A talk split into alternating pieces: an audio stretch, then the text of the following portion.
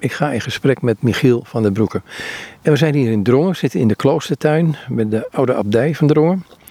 En er is een week waar het gaat over ja, de donkere nacht in, in de mystiek en dan vooral in de middeleeuwen. Ehm, bij jou gaat het in dit geval over de godsverlatenheid en duisternis bij de Groenendaalse mystici. En dan denk ik, ja, als ik aan Groenendaal denk, denk ik aan Ruusbroek. Ik denk misschien afgeleid ook aan Geert de Grote. Ik denk aan Jan van Leeuwen. En ik denk aan mensen die toch God kenden en door God gekend zijn. En toch die godverlatenheid. Dus die, die tegenstelling van, als ik er eentje uitpik, Ruusbroek bijvoorbeeld, dan denk ik, ja, dat, die heeft schitterende dingen geschreven over hoe je in relatie met God bent. En dat staat bij hem buiten kijf. En toch gaat het over godsverlatenheid en duisternis bij de Groenendaalse mystici. Jouw voordracht in ieder geval. Waarom? Wel, dus die godsverlatenheid slaat niet echt op een, ehm, ja, op een algemene toestand van de, uh, van de mensen in kwestie die hierover schrijven. Hè. De godsverlatenheid slaat op een, uh, op een specifieke fase in het mystieke leven, in de opgang van de menselijke ziel naar God. En dat uitzicht dus op verschillende manieren. Bijvoorbeeld bij Jan van Rusbroek en Jan van Leeuwen zien we hoe zij schrijven over de mysticus, mhm. die um, tot dat punt komt waarop hij eh, niet alleen verenigd is met God, hè, uh, maar ook die vereniging smaakt. Dat hij God in al zijn volheid en glorie smaakt. Hè. En het punt van godsverlatenheid is nu net dit: hè, uh, dat de mysticus, wanneer hij hey, al die volheid extatisch ervaart, toch ook op een gegeven moment in contact gaat komen met, met de afwezigheid van God. Of, zo, of althans met de ervaring van God. Je, je kan niet constant extatisch blijven rondlopen.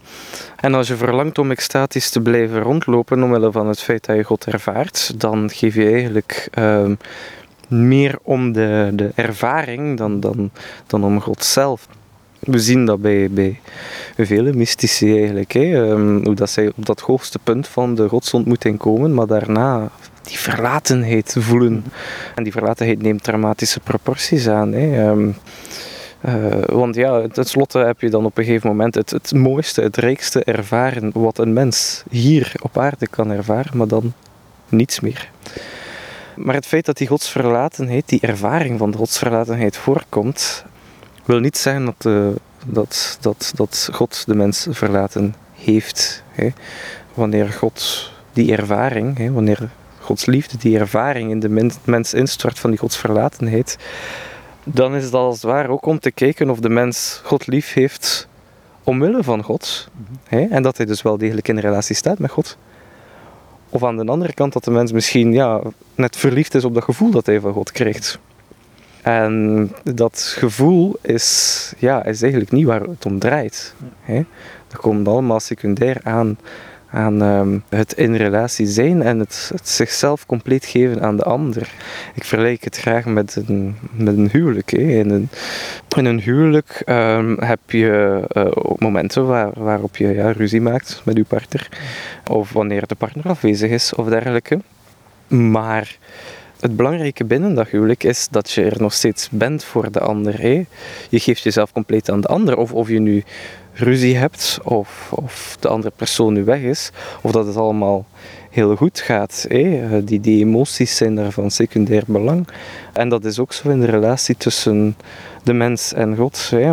Het is, ook een liefdesrelatie tenslotte. Um, en dus wanneer, wanneer de, de, de, de mysticus of de mystica God op een gegeven moment niet meer voelt en zo, en daarna zegt van ja oké, ja, ik voel God niet meer, uh, ja dan is dat het geweest, hè, salu en de kost ja, dan, dan is dat ook geen echte liefde.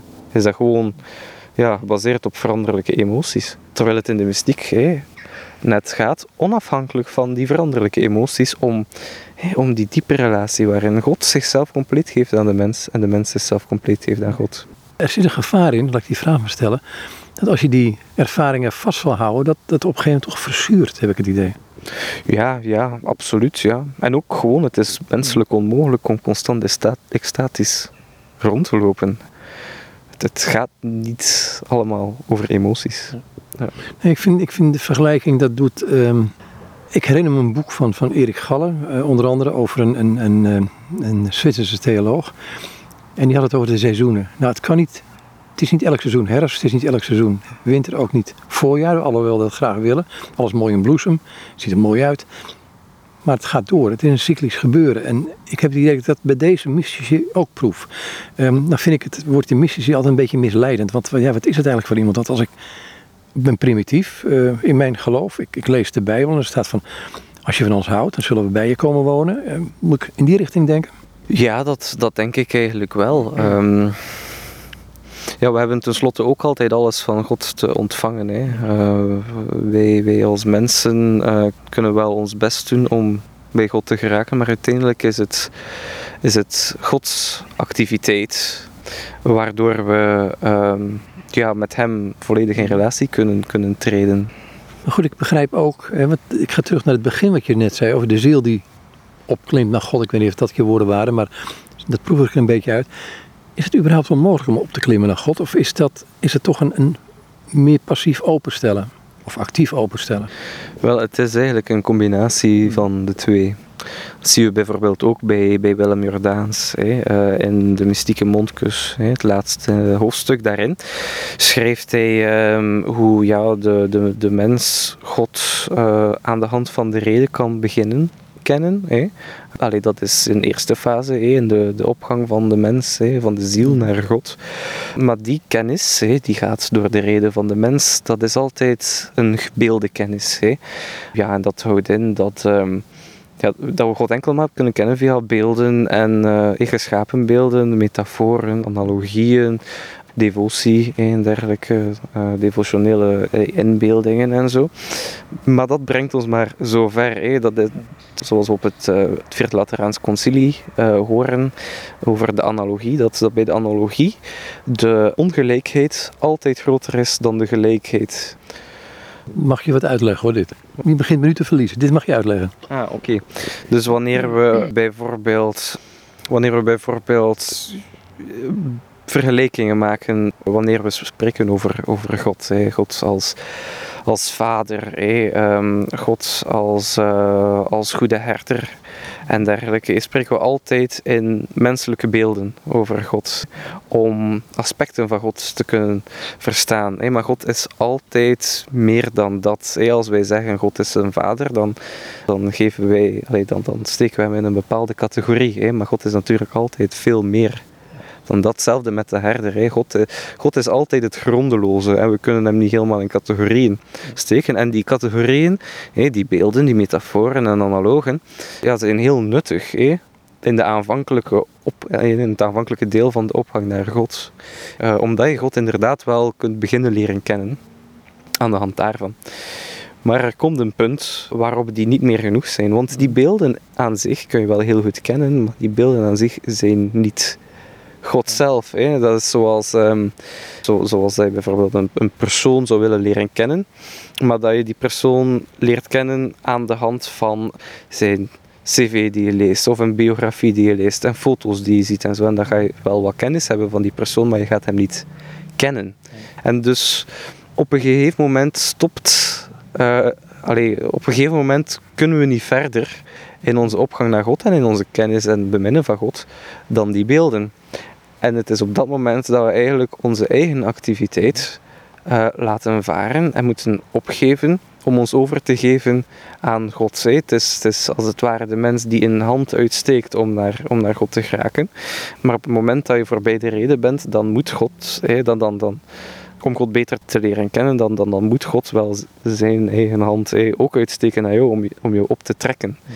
naar, naar de kennis van God, naar, naar uh, de, de liefdesrelatie die God zelf is. Dus er is een moment van, van inderdaad activiteit van de mens, maar om uiteindelijk God ten volle te kennen, ten volle te kunnen smaken, dan moet je voorbij de reden overgeven mhm. aan, aan de liefde die God zelf is. Wat hier in jouw um, voordracht genoemd werd, was, waren de woorden God verlaten en ook duisternis. Bij Jan van Leeuwen, dat is de kok van. Um, nou, vertel maar een beetje wie hij was en wat, hoe, hoe Groene Daal eruit zag. Want ze zijn in wezen vanuit Brussel vertrokken, deze mannen, dacht ik. Hè? Groenendaal is eigenlijk gesticht in 1343. Ehm, op dat moment heb je drie geestelijken uit Brussel. Jan van Rusbroek, uh, zijn onkel Jan Hinkaert um, en uh, Frank van Goudenberg. Die verlangen om Brussel te verlaten en een eremitisch leven te gaan leiden in het midden van het Zonienwoud dat op zich is al geen evidente keuze. Uh, want in, in die tijd was het veilig om binnen een stad te wonen. Je hebt de solidariteit van de burgers onderling, stadsmuren die je beschermen tegen, tegen rovers en rabouwen van buiten. Dus is het helemaal geen evidente keuze om eigenlijk in het midden van een bos te gaan wonen in die tijd. Maar dus, zij hebben het plan om Brussel te verlaten. Van de hertog uh, van Brabant, uh, Jan III, uh, kregen zij een, een, een, verlaten kluis in Groenendaal. Dus echt hartje, hartje Zoniewoud. met dus als doel dat, dat zij daar gaan leven als, als eremieten. Maar zoals vaak het geval is, trekken eremieten ook anderen aan. En die gemeenschap groeit. Totdat ze uiteindelijk in, in 1350 daar de, de regel van Augustinus aannemen en ze reguliere kanuniken worden. Nu Jan van Rusbroek wordt daar dan de prior, de, geestelijke verantwoordelijke van de, van, de, van de priorij. En dan hebben we nog een andere interessante figuur die daar, die daar ook intreedt. Dat is ehm, Jan van Leeuwen. Jan van Leeuwen is geboren rond, ja, rond 1300 waarschijnlijk. Hè. We weten niet helemaal zeker.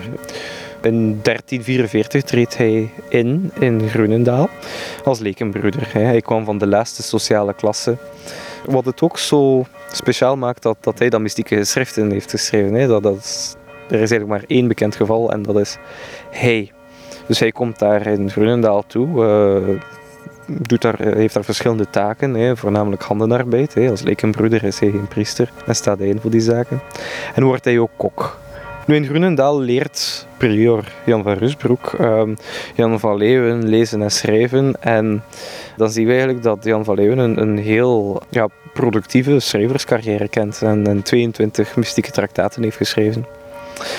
En dan een derde figuur die ook significant is in Grunendaal. Dat is dan uh, Willem Jordaans. Die is geboren in de adel, rond 1321 ook in Brussel. Hij uh, gaat dan gaan studeren in Parijs. Daar uh, studeert hij 12 à 13 jaar om magister in de theologie te worden. En uiteindelijk rond 1352 neemt hij ook zijn intrek in Grunendaal. En dan zien we eigenlijk dat, ja, dat zij alle drie in het Middel-Nederlands mystieke traktaten gaan schrijven. Er is ook nog een vierde die ik nu vandaag niet heb behandeld. Dat is Godfried Wevel, die ook een traktaat in het Middel-Nederlands heeft geschreven. Dus we zien daar eigenlijk een, um, ja, een, een, unicum, uh, een, uniek brandpunt voor mystieke literatuur. Uh, er is geen enkel voorbeeld in de geschiedenis van de christelijke spiritualiteit waar je vier auteurs hebt die in de volkstaal mystieke traktaten schrijven. Dat is het enige voorbeeld dat we daarvan hebben. Dus uh, ja, die beïnvloeden elkaar natuurlijk. Lang werd er gedacht dat Jan van Rusbroek ja, de meester was. Hij is natuurlijk veel bekender dan de andere drie. Maar dat Jan van Rusbroek de meester was die zijn mystieke leer heeft aangeleerd aan die drie anderen, aan, aan, aan Leeuwen, Jordaans en Wevel. Maar huidig onderzoek begint te suggereren dat, dat ja, die verticale afhankelijkheid misschien toch wel wat in vraag moet getrokken worden.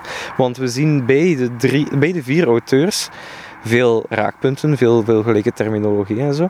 Maar we zien toch dat zij een, eigen mystiek echt wel ontwikkelen. Ja, zowel op vlak van, van termen die ze gebruiken en zo, en, en, en ook van, van, concepten, hè, andere mystieke concepten. Die, uh...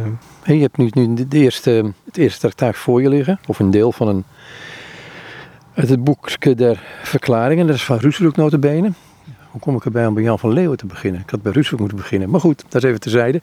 Dat is van Roesbroek. Um, die het in wezen heeft ook over een aantal verenigingen met God. Um, dat heb je uitgelegd. Je mag een stukje van de tekst lezen en gewoon je commentaar erbij geven. Natuurlijk, dat gaat niet over de, de duisternis of zo. Mm. Uh, Laat ik eerst even een, uh, een inleiding geven. Hè. Um, Reusbroek heeft een, um, in 1362 uh, uh, zijn boekje Verklaringen geschreven. Dat is eigenlijk tot stand gekomen omdat hij um, in, ja, in, in, die periode uh, werd uitgenodigd bij de Kartuizers van Herne die een kopie te pakken hadden gekregen van zijn uh, Rieke der Glieven. En daar hadden ze wat vragen bij. Hè. Uh, vonden bepaalde passages toch wel wat vreemd in de oren klinken. Dus Rusbroek is um, dan um, eigenlijk ja, te voet naar Herne geweest, wat uh, toch wel een aantal tiental kilometers is. Hij was toen 70 jaar, bijna 70 jaar. Maar dus om, om hen die duiding te geven, hè, om dus te gaan spreken met de kartuizers. En um, uiteindelijk heeft hij dat ook neergepend, hè, heeft hij zijn inzichten neergepend in het boekje der. Het boekje van de, uh, van de opheldering, als het ware. En daarin heeft hij het over drie soorten vereniging die de mens kan hebben met God. Hè. De eerste vereniging is de vereniging door middel. Dat is wanneer men met God verenigd is doorheen de, de sacramenten van de kerk of doorheen het leiden van een deugdzaam leven. Op die manier is men verenigd met God, maar steeds doorheen die, door, doorheen die middels, als het ware, doorheen die middelen. En dan is er een, een, een volgende fase, een volgende vereniging die de mens kan ondergaan in de opgang naar God. En dat is de vereniging zonder middel. En die vereniging zonder middel houdt eigenlijk in dat, dat de mens God rechtstreeks ontmoet. uh, rechtstreeks met hem verenigd is zonder uh, uh, mediatie, als het mhm. ware. En dan uh, is er een derde soort vereniging, vereniging zonder differentie of vereniging zonder onderscheid. Hè. Dat wordt vaak wat, uh, wat verkeerd uh, gelezen en werd ook verkeerd gelezen in der tijd. Want als je want ja, je kunt, je kunt, daar, uh, je kunt het lezen als zijnde een vereniging zonder God, waarbij de mens eigenlijk versmelt met God. Waarbij de mens ophoudt mens te zijn, eh, waarbij zijn geschapenheid verdwijnt en zo. Wat op zich natuurlijk ja, niet kan, wat ketters is ook. Um, maar uh, daar heeft Jan van Rusbroek het helemaal niet over. Hè. Uh, hij bedoelt eigenlijk uh, onderscheid. Onderscheid in het, het Middel-Nederlands betekent eigenlijk een, een, afstand of separatie. Hè. En, en die laatste vorm van, hè, die, die vorm van vereniging zonder, zonder differentie, zonder onderscheid, dat wil eigenlijk zeggen dat, dat hey, alle afstand wegvalt tussen God en de mens. En dan krijg je die, die wederzijdse inwoning waar, waar mystici het graag over hebben. God leeft dan volledig in de mens en de mens volledig in God. Hè. En de mens het toch gewoon bij het evangelie terug. De evangelie, tekst Johannes, ik bedoel, toch? Ja, ja, ja. Wat ik in het begin zei, die ter, term mystici kan, mystiek kan, kan misleidend zijn, want ik denk dat het eigenlijk misschien wat dood gewoon het christelijke leven is. En ik snap dat God het initiatief neemt daarin, mm -hmm. volledig. Hè? Ja, mystiek is natuurlijk ook een term die wij daar nu op plakken. Maar toen zouden zij...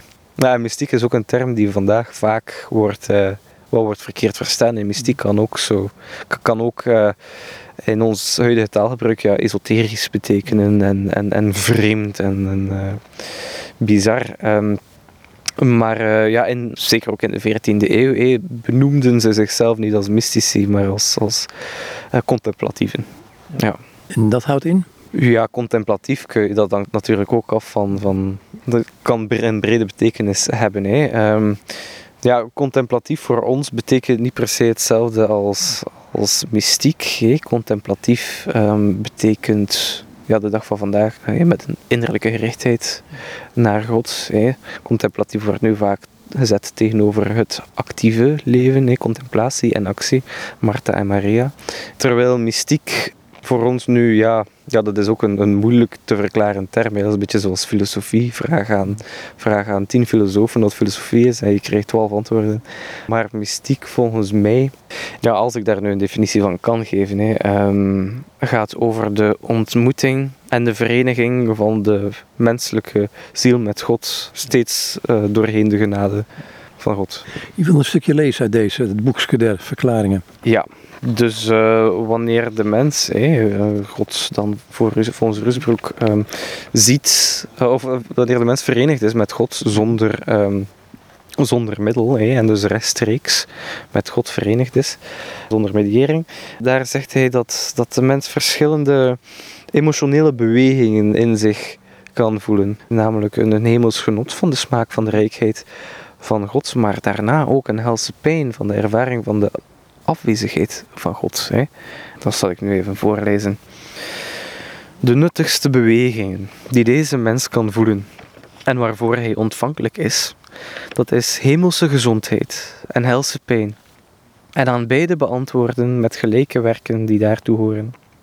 Hemelse gezondheid verheft de mens boven alles in een vrij vermogen om God te loven en te beminnen, op alle manieren dat zijn hart het verlangt.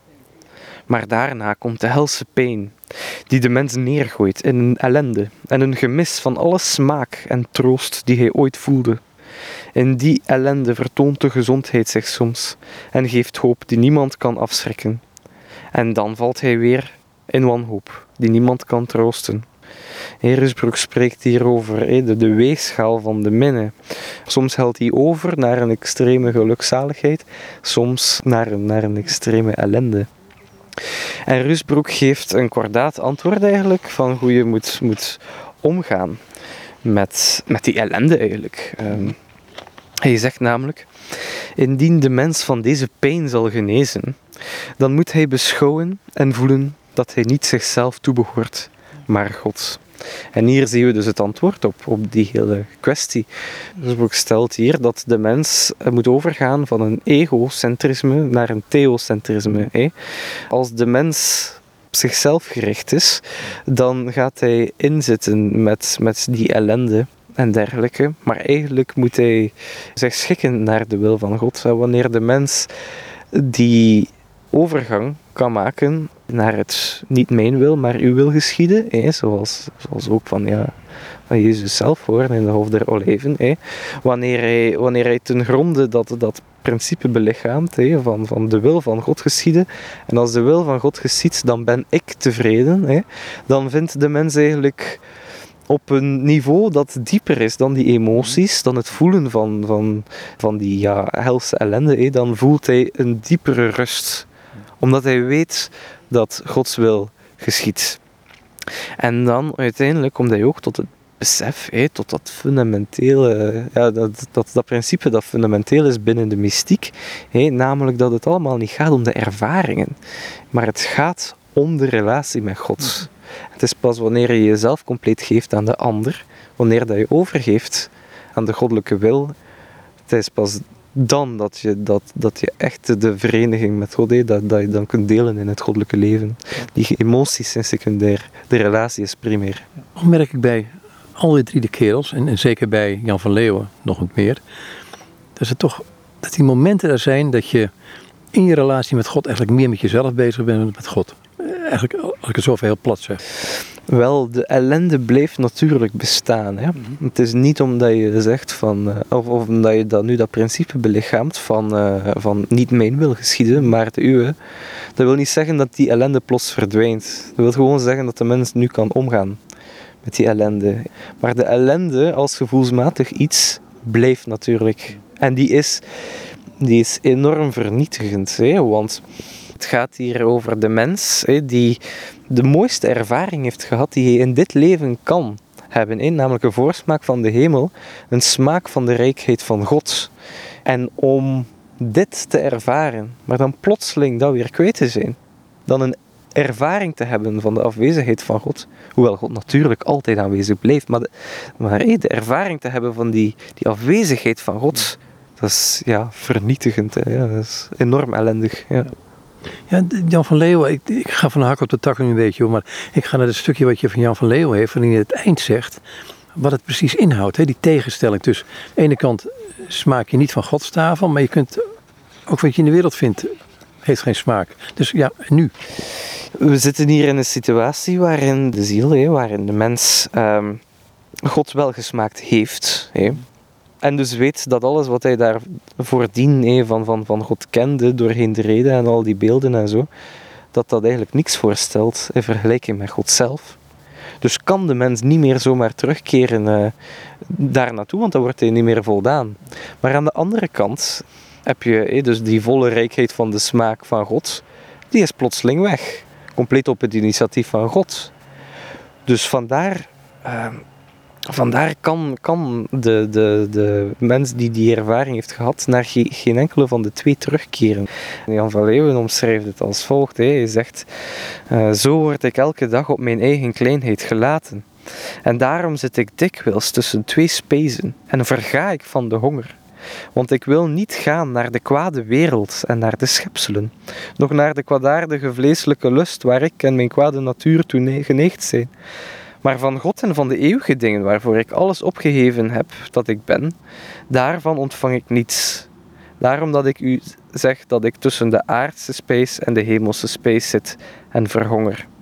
En hier heb je natuurlijk bij, eh, bij Jan van Leeuwen heb je nog die extra dimensie, dat het niet alleen gaat over, over de, de kennis van God die de mens daarvoor kon hebben, maar ook gewoon in het algemeen een terugkeer naar de wereld. Uh, de mens die God heeft gesmaakt, ziet niks dan ja, kwaad en slechts in deze wereld en wil bij God blijven, maar ja, kan dat op dat moment niet. En verhongert dan op die manier tussen twee spijzen. Rob Vaas, die sprak voor jou, die had het, uh, die had het over Blosius. En die had het over in een stukje wat hij voorlas over... Ja, maar op die momenten kun je ook op eigen kosten gaan leven. Ja, en Jan van uh, Leeuwen spreekt daar ook over. op, uh, uh, op het um, ja, dienen van God op eigen kosten. hij zegt Zie, daardoor worden zulke mensen zo behoeftig en zo nietig en ten gronde op zichzelf gelaten en verlaten, God dienende op hun eigen konto. Ja, net alsof ze nooit God gekend hebben, nog hem ooit zouden kennen. Hey, um, voordien natuurlijk, wanneer, uh, wanneer de mens ja, in die situatie verkeert, in die toestand verkeert, waarin hij God toen volle smaakt, dan gaat alles vanzelf. Het dienen van God gaat vanzelf. Um, alles is prachtig, alles is mooi. En, dan zeg je, ik word gezegend. En het wordt je in andere omstandigheden ook. Maar dat, dat kan zo'n gezegde zijn. Ik vertaal het even naar nu toe, hè, naar deze tijd. Ja, ja, absoluut. Dat is absoluut het geval. Hè. Um, je moet helemaal geen moeite doen om God te dienen in dat geval. Maar dan in de ervaring van de godsverlatenheid, hè, waarin God plotseling zijn aanwezigheid terugtrekt en de mens op zichzelf wordt gelaten, ja, dan is alles hem, hem zuur en moeilijk. En dan, dan lukt het hem, lukt het hem wel, kan het hem weliswaar nog lukken om, om God te dienen. Maar is het allemaal heel lastig, want hij ervaart die positiviteit en zo niet meer. Opnieuw, zoals in een, zoals in een relatie. Hè. Ehm, als, als je plotseling ruzie hebt of zo, dan ja, zaken voor de anderen doen. Dat kan zijn dat dat met, met meer tegenzin is, dat dat meer moeite kon. Terwijl dat als, als alles heel liefdevol en mooi is in de relatie, ja, dan, dan gaat dat meer vanzelf. Praat je nu uit ervaring? Ik dacht het niet, hè? Nee, nee, dat is puur objectief en academisch. wat je gezien hebt bij anderen. Maar goed, maar het op eigen konto werken, wat, wat houdt het dan precies in? Ja, dat is een beetje zoals te verstaan, zoals in de, Augustine, uh, in de Augustijnse zin. Hè. Um, Augustus zegt ook van het kwade dat wij doen, dat is allemaal, ehm, ja, dat is allemaal onze verantwoordelijkheid. Maar als we iets goeds doen, dan is dat eigenlijk God die het goede werkt doorheen ons. Het goede doen uh, gebeurt steeds doorheen God. Maar nu heeft, uh, en zonder daarbij uh, of het, ja, theologische fouten te maken, um, heeft de mens nu de ervaring dat ja, al het goede dat hij wil doet, dat dan niet meer ondersteund wordt door God. Hè. Maar als wij als mensen enkel het goede kunnen doen doorheen de genade van God, of dat het eigenlijk enkel God is die, die het goede doet doorheen ons, ja, dan wordt het natuurlijk verschrikkelijk moeilijk om, hè, als je Gods afwezigheid ervaart, om dan, om dan zelf het goede te doen. Waarbij ik opnieuw niet zeg dat, dat, dat God dan plots afwezig is, hè. maar zo voelt het aan. Ja. dat is het hele rare dilemma wat erin zit. Hè? Je hebt als, als uh, een van de mensen er ook in gehaald, uh, Willem Jordaans. Um, fantastisch boek. Ik heb het in het midden-Nederlands. Ik kan, kan, het helaas niet helemaal lezen. Ik heb er stukjes uitgelezen. Um, maar je hebt een heel hoofdstuk. Het laatste hoofdstuk uh, heb je vertaald opgenomen. Misschien kunnen we het gewoon lezen. Want het is, eigenlijk is het een, een mooie manier om toch tot die innigheid met God te komen. Dat je zelfs in die moeilijke tijden die innigheid kunt ervaren. Ja, inderdaad. Willem Jordaan spreekt dan ook wel over eigenlijk een, een andere duisternis. Hè? Mm. Waar Rusbroek en Leeuwen spreken over de mystieke mens die, die de rijkheid heeft ervaren van God. Mm. En die dan, die dan in die duisternis valt van, van het ervaren van het godsverlaten. Zien we een andere duisternis bij Jordaans. Hè? Jordaan spreekt over ja, die opgang naar God, eerst aan de hand van beelden en reden. Maar dan op een gegeven moment geeft, moet de ziel ja, die, die beelden en de reden opgeven hè, om, om dichter bij God te raken. Maar stoot ze eigenlijk op, op Exodus 33, 20, hè, waarbij God tegen Mozes zegt: Gij zult mijn aanschijn niet zien, hè, gij zult mijn gelaat niet zien uh, en ook in leven blijven. Dus waardoor de ziel hier nu verstaat: kijk, ik kan God niet uh, in dit leven ten volle beminnen en kennen. Maar de ziel is ook niet meer uh, content met gewoon die loutere, redelijke kennis. Wil meer, wil God ten volle uh, ervaren. En zitten daar dan eigenlijk opnieuw tussen twee tafels, als het ware, tussen twee spijzen. Hè? Dat zegt Jordaans zelf ook. En terwijl de ziel in, dit, in, dit, uh, in die duisternis zit, ervaart ze verschillende zaken. Namelijk een, verdriet, omdat ze niet meer terug kan, naar die uh, beelden en, en, metaforen en dergelijke. Omdat die niet God zijn, tenslotte. Maar ze verlangt ook om ten volle God te kennen. Dat is het tweede wat ze voelt, een verlangen naar God. En uiteindelijk ervaart de ziel in die duisternis ook hoop. Hoop dat ze inderdaad uiteindelijk God ten volle zal kunnen kennen. En in die duisternis begint volgens Jordaans begint er een, een gefluister, je begint het woord, het woord van God te fluisteren tegen, tegen de ziel. En het woord van God zegt tegen de ziel, je kan inderdaad misschien niet in dit leven uh, Gods aanschijn zien, en blijven leven. Maar na de dood, na de aardsdood, dat is wanneer je in het eeuwige binnenstapt, dan zul je God ten volle kennen en ten volle kunnen beminnen. Want het is belangrijk om te zien bij Jordaans dat hij hier spreekt over God ten volle willen kennen en God ten volle willen beminnen. Niet hetzelfde is. En de ziel ja, probeert daar toch wat, toch wat meer uit te krijgen. Hij vraagt opnieuw nog van, ja, maar kijk, ik vraag net zoals Mozes, toon mij uw aanschijn, waarop het woord van God opnieuw antwoordt aan de ziel. Nee, dat kan niet, hè. Uh, niet in dit aardsleven. En dan krijg je een heel mooie passage ook, waarbij Jordaans ja, de ziel laat zeggen, hè, het, waarbij, waarbij het lijkt alsof de ziel zegt dat ze daarmee instemt. Maar uiteindelijk vraagt ze toch een beetje meer. Ze zegt namelijk: Oké, ik zit hier in de duisternis, ik kan uw aanschijn niet zien, maar zelfs, naar analogie dan met het hooglied, zelfs in de duisternis kunt gij mij kussen. En dan geeft God toe en kust hij de ziel. Waardoor de ziel wel verenigd wordt met God, vergoddelijkt wordt, in de zin dat ze God nu ten volle bemint. Hè? En dat ze zelfs gaat delen in die liefdesrelatie van, van God. Hè? De liefdesrelatie die, die God is. Aan de andere kant blijft het natuurlijk wel een kussen in de duisternis. Dus hoewel, dat, hoewel ze, ze God ten volle bemint, gebeurt het allemaal in duisternis. Dus ze heeft, heeft geen inzicht van wat er op dat moment gebeurt. Dat inzicht uh, is een kwestie inderdaad nog steeds voor het hiernamaals. Het is pas dan dat ze de aanschijn van God zal zien. En hoewel ze nu al ten volle kan beminnen, zal ze na dit leven mhm. het ook allemaal ten volle kunnen begrijpen. Kom je dan bij dat laatste vers van 1 Corinthië 13 terecht? Uh, zo blijven naar geloof, hoop en liefde. En de grootste van deze is de liefde. Um, want die drie, die hoor ik nu uh, door dit verhaal heen. Ja, ja, absoluut. Inderdaad. Ja, om, om, om God in dit leven nee, te, te kennen is, um, ja, is de reden niet, niet, niet voldoende. Um, het, is, het is uiteindelijk enkel de minne die wordt, wordt ervaren. Het is uiteindelijk... Het draait hem allemaal om de minne. Hè. Het draait hem allemaal ook om God, die natuurlijk minne, die liefde is. Ik wil een stukje voorlezen van Willem Jordaans om gewoon even de smaak te pakken te krijgen. Het mag willekeurig zijn, want ik denk, er zitten gewoon die stukjes in. Als je, het, als je hem hoort vertellen, dan krijg je misschien ook het verlangen van: hé, hey, ik zou eigenlijk meer in die intimiteit met God willen zijn. Zonder dat je er echt een beeld van maakt. Dus zeg, zo gebeurt het. Want dat, dat kunnen wij toch niet. Dit, dit is, uh, ja, ik zal nu even dus de, het stukje dialoog voorlezen tussen het woord van God dat fluistert met de ziel. Hè. En al is dit onderlinge fluisteren zonder woorden en zonder beelden, nochtans als men erover wilt spreken, moet men daarvoor woorden gebruiken die beelden opleveren. Men kan immers geen woorden vinden die dat fluisteren zo ongebeeld kunnen presenteren zoals de ziel het ontvangt met haar ongebeelde verlangen.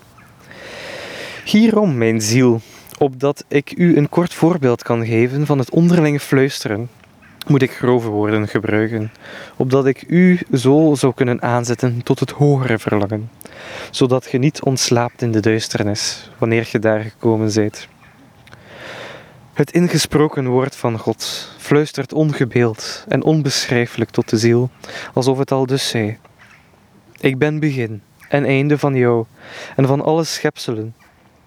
Ik ben het wezenlijke goed en de volmaakte zaligheid, die alle schepselen verlangen, elk overeenkomstig haar natuur en haar wezen. Ik ben vol van onmetelijke glorie en rijkheid, die het oog nooit zag, nog het oor hoorde, die niet opkwam in het mensenhart, die ik altijd bestemd heb voor degenen die mij beminnen, die ik overvloedig met hen zal delen en waarmee ik hen onverzadelijk zal verzadigen. Als ik dit hoor, hè, vooral het stukje over. Ik ben het begin, het einde van jou, van alle schepselen. Dan moet ik toch denken aan wat in Colossense staat. Dat wij in hem, door hem en tot hem geschapen zijn. Dus dat, en denk ik, ja, wat verbeelden wij ons soms wel eens. Hè? Als ik dit, dit zo lees en als ik dit hoor, denk ik, hij gaat wel heel in zijn eigen woorden naar die kern toe. Ja, ja daar ben ik ook van overtuigd. Ja.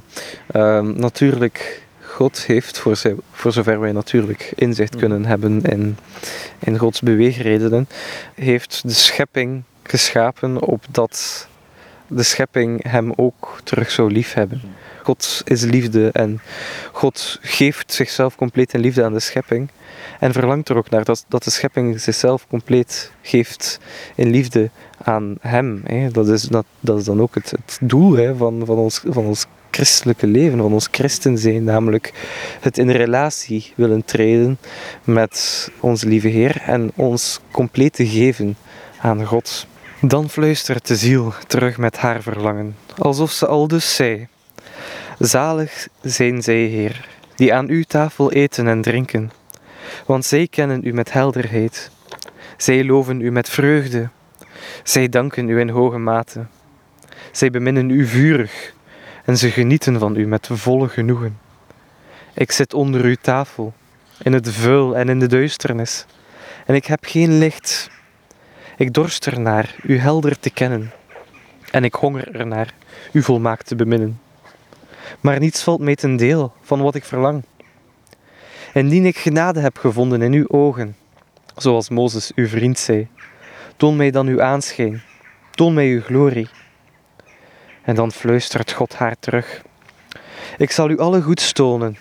Ik zal u mezelf tonen, maar niet in deze staat van het leven waarin gij nog verkeert. Want geen mens kan mij zien en leven op de wijze van het leven. Het is niet goed het brood voor de kinderen te nemen en het voor de honden te werpen. Gij zit nog onder mijn tafel zoals de honden. Ge hoort niet te eten van mijn spijs, nog te drinken van mijn drank. Maar als uw tijd vervuld is, zal ik u verheffen en u aan mijn tafel zetten, en zal ik u mijzelf te eten en te drinken geven, in volle overvloed. En zal ik u in mijn goddelijke arm leggen, als mijn beminde bruid in eeuwige rust. En dan fluistert de ziel opnieuw en zegt: Zie hier de dienstmaagd van God. Mij geschiet naar uw woord, Heer. Ik wil leven in hoge verwachting, o Heer, op uw woord. Gedenk uw woord, waarin gij mij hoop hebt gegeven. Ik wil graag onder uw tafel liggen als een hondje, met geduldig hopend verlangen, en de kruimels aannemen, die mij ten deel mogen vallen. En samen met uw bruid in het hooglied zeggen: Ik zit onder de schaduw van degene die ik verlang, en zijn vrucht is zoet in mijn keel.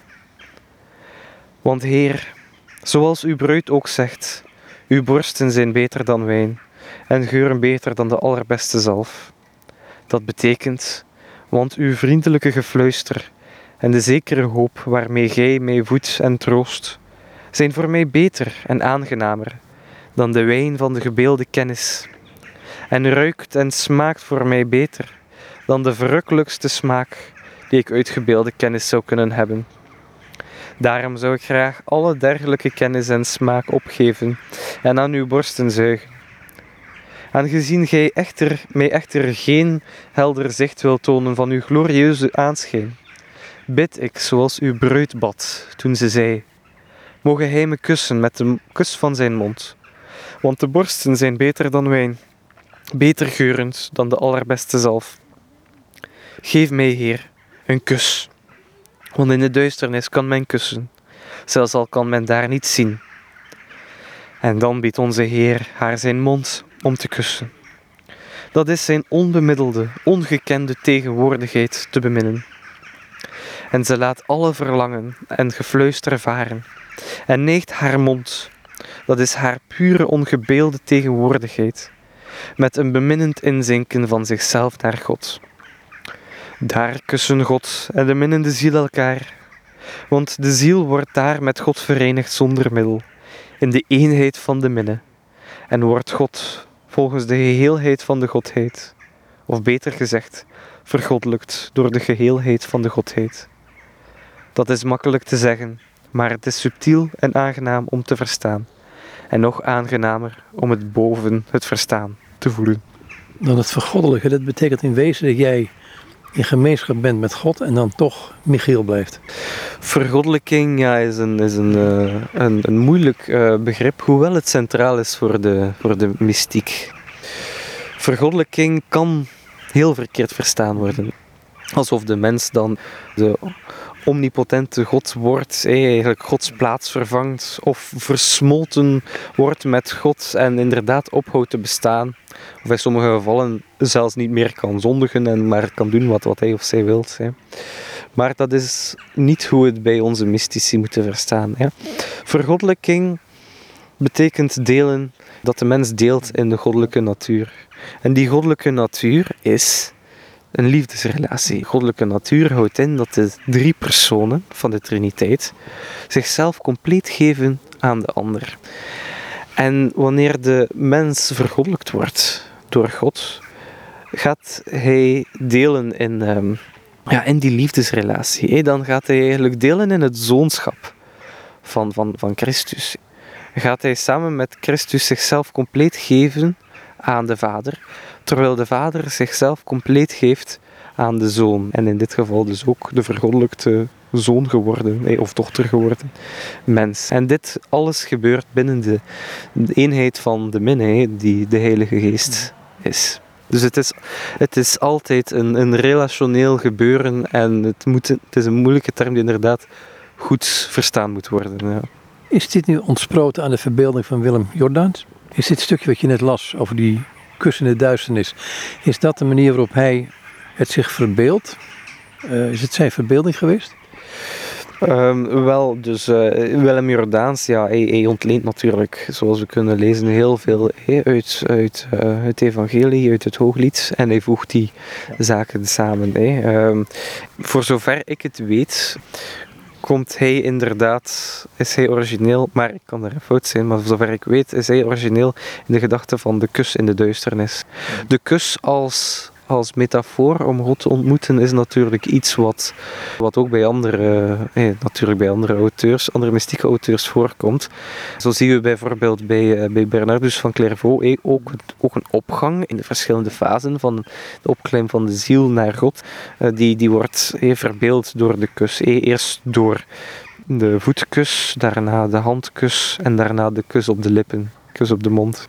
En dat zien we ook, ja, we hebben het nu niet gehad over de voetkus en de handkus, uh, maar dat zien we ook in, um, in de mondkus, mystieke traktaat de mondkus van Jordaans. Een, een opgang van, van de ziel die, die dan begint bij de voetkus dan de handkus en dan de mondkus. Maar zover, ik, zover als ik het weet, is, is deze manier van, van ja, die, die, die kus in de duisternis en zo is dat wel, wel eigen aan, aan Jordaans. Hij ontleent het alleszins niet aan zijn medebroeders uit Groenendaal. Nee, die zijn iets, iets nuchterder, heb ik het idee. Of heb ik het mis nu? Nuchterder zou ik het niet noemen, want tenslotte Willem Jordaans is een magister in de theologie. Hij heeft, uh, is heel onderbouwd in de scholastieke.